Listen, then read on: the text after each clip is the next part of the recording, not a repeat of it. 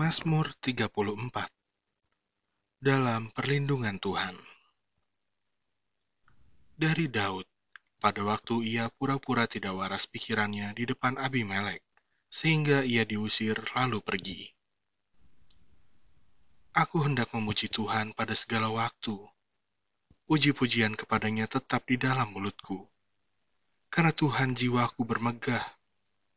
Biarlah orang-orang yang rendah hati mendengarnya dan bersuka cita. Muliakanlah Tuhan bersama-sama dengan aku. Marilah kita bersama-sama memasyurkan namanya.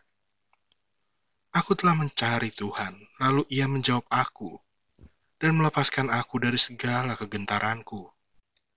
Tujukanlah pandanganmu kepadanya, maka mukamu akan berseri-seri, dan tidak akan malu tersipu-sipu. Orang yang tertindas ini berseru, dan Tuhan mendengar. Ia menyelamatkan dia dari segala kesesakannya. Malaikat Tuhan berkemah di sekeliling orang-orang yang takut akan dia, lalu meluputkan mereka. Kecaplah dan lihatlah betapa baiknya Tuhan itu. Berbahagialah orang yang berlindung padanya. Takutlah akan Tuhan, hai orang-orang yang kudus, sebab tidak berkekurangan orang yang takut akan Dia singa-singa muda merana kelaparan. Tetapi orang-orang yang mencari Tuhan tidak kekurangan sesuatu pun yang baik. Marilah anak-anak, dengarkanlah aku. Takut akan Tuhan akan kuajarkan kepadamu. Siapakah orang yang menyukai hidup, yang mengingini umur panjang untuk menikmati yang baik? Jagalah lidahmu terhadap yang jahat, dan bibirmu terhadap ucapan-ucapan yang menipu Jauhilah yang jahat dan lakukanlah yang baik. Carilah perdamaian dan berusahalah mendapatkannya. Mata Tuhan tertuju kepada orang-orang benar, dan telinganya kepada teriak mereka minta tolong.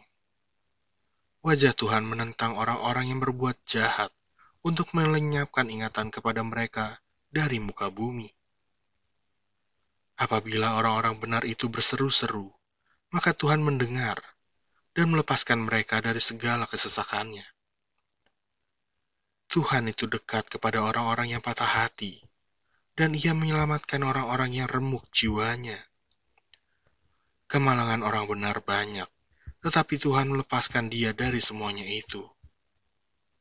Ia melindungi segala tulangnya, tidak satu pun yang patah. Kemalangan akan mematikan orang fasik, dan siapa yang membenci orang benar akan menanggung hukuman. Tuhan membebaskan jiwa hamba-hambanya, dan semua orang yang berlindung padanya tidak akan menanggung hukuman.